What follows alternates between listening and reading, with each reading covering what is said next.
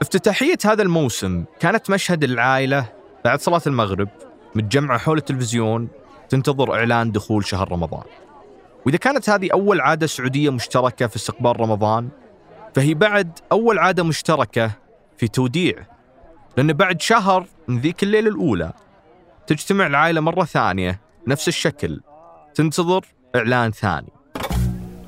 أيها الإخوة المشاهدون السلام عليكم ورحمة الله تعالى وبركاته وكل عام وأنتم بخير. يستقبل المسلمون صباح غد الأحد أول أيام عيد الفطر المبارك. تقبل الله منا ومنكم صالح العمل وكل عام وأنتم بخير. إعلان رمضان. هذا منصور العساف وأنا مازل عتيبي هذا أشياء غيرتنا من ثمانية. يستقبل كأنك نفس طويل عندك مد الليل بيطول عليك وبتطلع بالعكس أنت تشوف إنه قصير إنك تبي تنام بعد الساعة 11 مثلا. ولما يعلن رمضان تلقى بالعكس عندك أفق واسع للعب للخروج انهاء مشاغلك. بالعكس صار عندك مساحة. لما يعلن لما يعلن العيد العكس تجد إنه تحس إن كل شيء تكدس في وقت واحد وضاقت عليك الأمور وأنت عندك مهام كثيرة ما يمديك تخلصها. فكأنه فاجئك العيد. فدائما تلقى الناس تقول إيه، ليته يكون بكرة. ليتهم يعلنون بكرة. لأنه ما أنهى ما أنجز أعماله وأشغاله. ولذلك يعتبر الإعلان إن العيد بكرة بمثابة بداية العد التنازلي اللي مفروض تخلص فيه كل شغلك. فتجي صلاة العشاء اللي ما بعدها تراويح ومجرد ما يخلصون الناس منها كل واحد يروح لطريقه ولشغله. الأكثر وقان هالليلة كالعادة هم الأطفال. مثل ما يذكر الأستاذ عبد العزيز المتحمي كانوا هم الأكثر استبشارا بالخبر وحماسا له. لدرجة أنه ما ينام يعني. فعليا ما ينامون خلاص كل البيت ما ينام.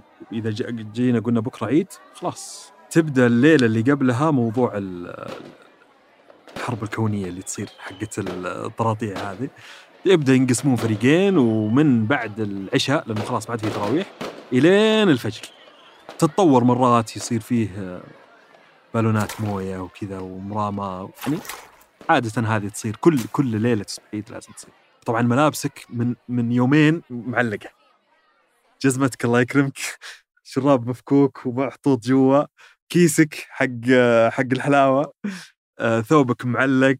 شماغ عادة ما كنا ما كنا نعرف لا صراحة. ما كنا نلبسها وإحنا صغار. إذا عندك آه، طاقية ولا ولا تمشي كذا سادة. لكن الكبار ما يقدرون يمشون سادة. واغلبهم اشتروا هذه الأغراض الأساسية من قبل العشر الأواخر حتى. لكن الليلة هذه يظهر لك الناس اللي تأخرت في شراء الأسواق. واغلبهم تلقاهم في الغالب في الشباب. تمتلئ الأسواق وتكون ربكة ويكون الجميع متوتر. الشوارع الناس متوترين في الأسواق متوترين. وحركة دؤوبة الحركة دؤوبة بل مزعجة بشكل كبير. والشوارع ممتلئة وضجيج في كل مكان. الساعة هذه تكثر فيها حوادث السير.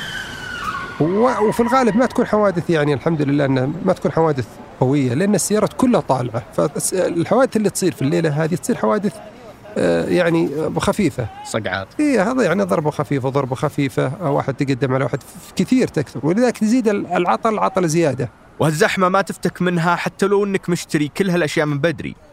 يمكنك من سيئين الحظ اللي ما استلم لبس العيد من الخياط للحين الزحام تلقاها مثل ما قلنا إنه في محل الخياطة آه، يكون فيها خلافات. آه، آه، تعرف بعض بعض المحلات ما توفي بالمواعيد اللي يعني أعطتها عملائها.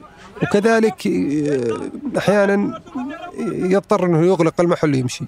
وهذه تصير فيها مشاكل وكذلك تصير فيها يفتح إلى آخر الليل على أساس يسلم أغلب البضائع وحتى لو إنك ذيب ومجهز كل شيء قبلها بوقت لا يزال في الشيء اللي غالبا ما بتسويه إلا ليلة العيد. طبعا الحلاقين لازم تحجز لازم تحجز قبلها بست أيام سبع أيام.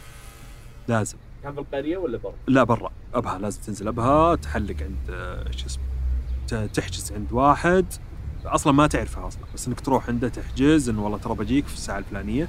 طبعا حجزك يروح فيها لأنك بتروح تلاقي أمم قبلك. ف فاذا أنت والله حريص فبتنتظر. لكن أصلا جدولك ضيق. أنت نازل تأخذ ملابسك من المغسله لأنه أنت الغتره اللي شريتها يبغى لها أحد يكويها. في الكوي سالفة ثانية. خاصة ليش ليش يجي ضغط على المغاسل؟ آه وصارت الفترة الأخيرة. إنه إنه أهل البيوت قبل العيد يا أما يجدد أثاثه يا أما يغسلون آه، آه، ال- ال- الفرش هذا خاصة إذا في زوالي كبيرة وكذا في المجالس فيودونه المغسله بعضها فيجي ضغط مرة كثيرة ال- الكوي للملابس آه، تصير في عند المغاسل فالشاهد الموضوع إنه أصلا. يعني من بعد صلاة العشاء إلين ترجع أصلا تبغى تلحق الفعاليات حقت حقت ليلة العيد عندك ثلاث أربع ساعات تروح ت- ت- ت- تتحلق آه، تحجز عند أحد إذا حلاق ولا الله يعينك بي- بيروح أحد يتعلم فيك. الخطة البديلة مرة إنك أنت واللي معك إذا ما حصلتوا تروحون بيت أحد قبل العيد وتحلقوا البعض. وهنا تجي الحفلات.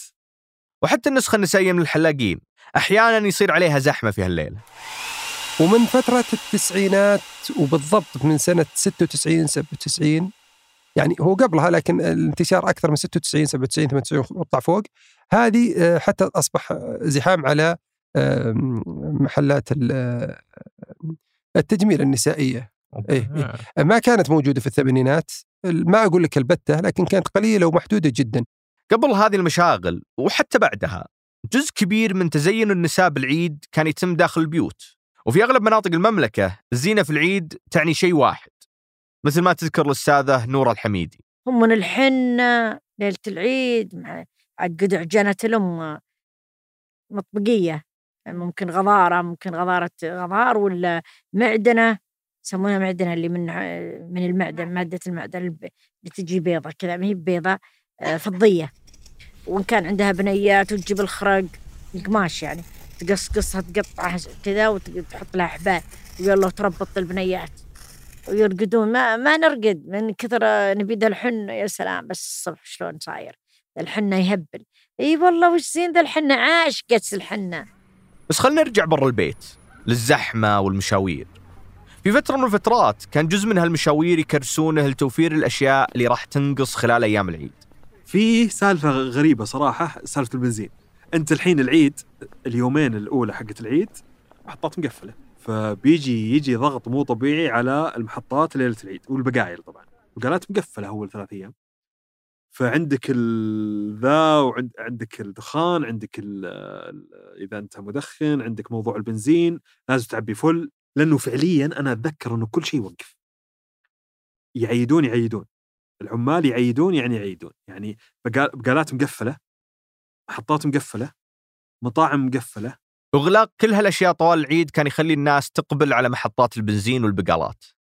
لكن لو مريت محطة بنزين وشفتها مزحومة ما هو بالضرورة أن هالزحمة سببها التجهيز الأيام الإغلاق؟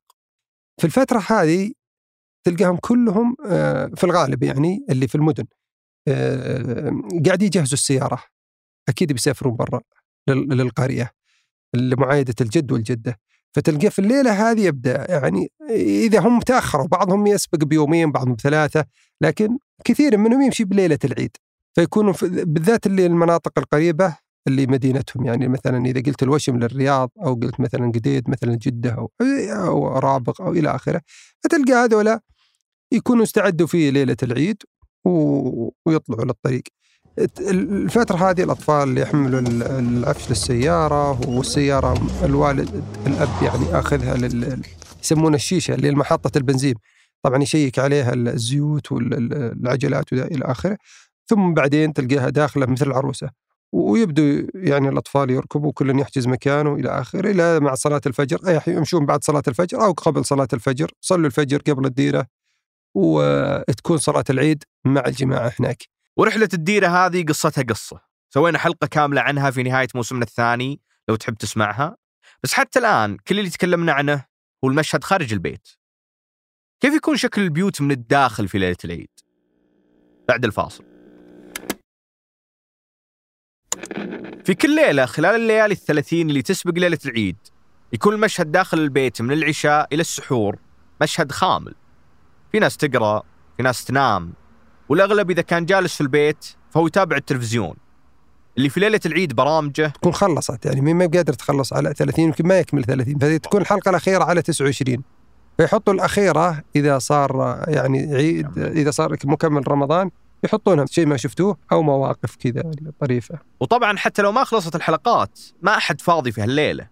والبيت بالتحديد ما هو بيئة مناسبة للمتابعة وقتها.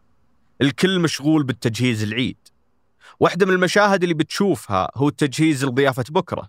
تطلع أكياس التمر وتنحط على جنب أكياس المكسرات وعلب الحلويات يفتحونها ويبدون يحطونها في صحون التقديم.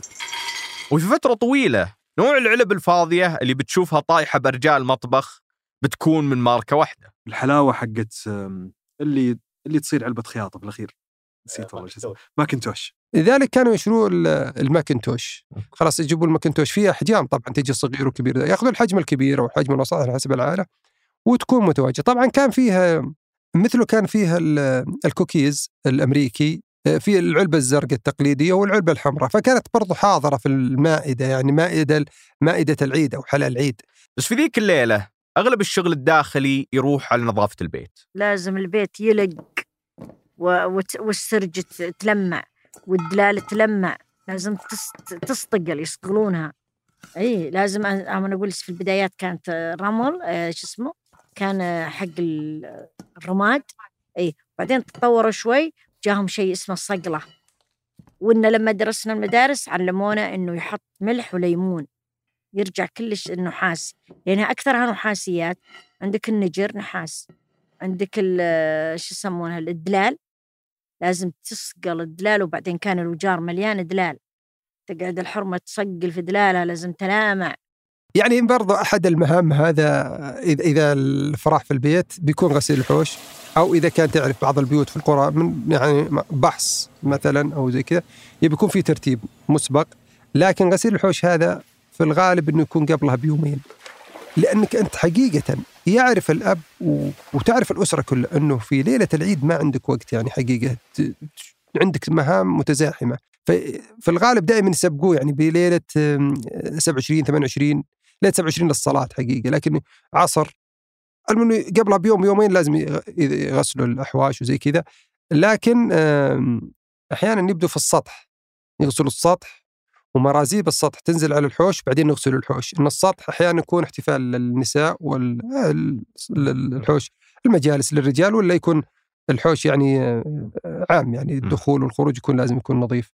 آه، العجيب والغريب إن البلدية كذلك مراقبي البلدية بذيك الفترة يكونون يعني حاضرين بقوة للمشهد هذا. ويسعفهم يسعف الأهالي إذا نزل مطر بذيك الليالي اللي هي يعني أواخر رمضان. وهذا حدث في التسعينات في نهاية التسعينات وفي بدايات الألفية. كانت الأمطار موسم أمطار هذا فكانوا الناس تغسل ما حد يعني انتبه لهم. لكن آه، قبل في الثمانينات لا كان وقت صيف عيد الفطر وعيد الأضحى. كانت وقت صيف في الثمانينات ونهاية السبعينات فكانوا إذا غسلوا منازلهم فمراقب البلدية يعني يكون حاضر. والحقيقة إنه في الغالب يعني يتم آه، يغض الطرف عن أوكي. إيه. يتسامحون. لأنه فرحة عيد من الواحد طبعا على موضوع الفرش أنا أتذكر إنه كان ينغسل في ال- في البيت فكنت تطلع تطلع في الحوش. آه، في آخر يومين ثلاثة في رمضان كل البيت قاعد يغسل وفرحا بموضوع رمضان. آه، اللي قبلنا كانوا كانوا كانوا يعيدون يعيدون يقطون على قولهم القط هذا يعيدونه في قبل رمضان قبل العيد. يعيدون عليه.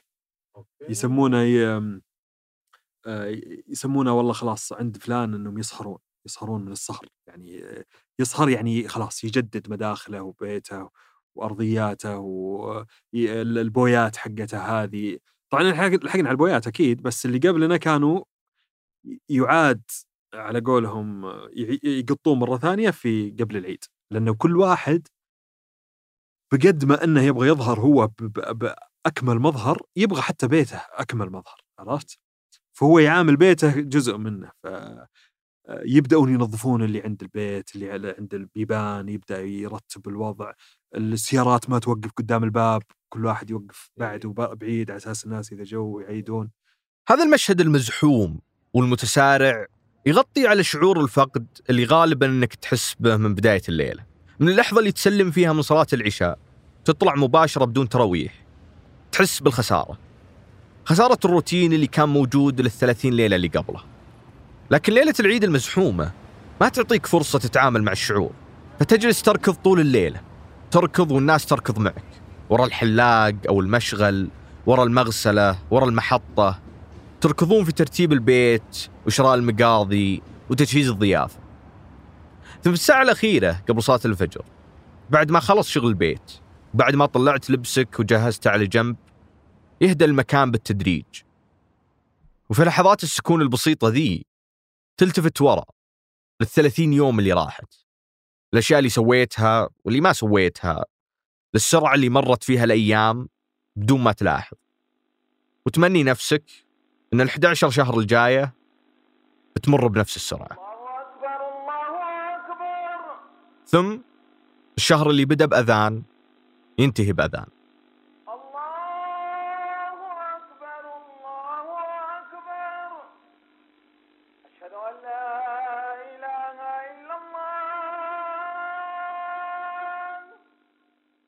هذه الحلقة من إعداد وبحث الرائع نصر العساف. شكرا للضيوف اللي أثروها بمداخلاتهم الأستاذ عبد العزيز المتحمي والأستاذة نور الحميدي. أنتجت هذه الحلقة أنا مازل العتيبي أخرجتها وفاء العبد العالي هندسها صوتيا محمد الحسن وجميل عبد الأحد صمم غلافها ريفال الغيلاني حرر تشويقاتها أحمد حامد. أدار عملية نشرها سلمى وعمر وبثين الإبراهيم وشذا محمد وفهد القصير. رجعها ثمود محفوظ. اليوم قلت له تاج راسي قال وبعدين إيش آه، تاج راسي قلبي مش عارف آه، إيش. إيش ال feminism دي يا أخي؟ أحس نفسنا صرنا زي البنات. حبيبتي مدري آه انت رائعة انت رائعة وجميلة. بلاش too much emotion يا رجل. بي أمان. أشرف على إنتاجها أسيل باع عبد الله وجميل عبد الأحد وفي الإشراف على إذاعة ثمانية سحر سليمان.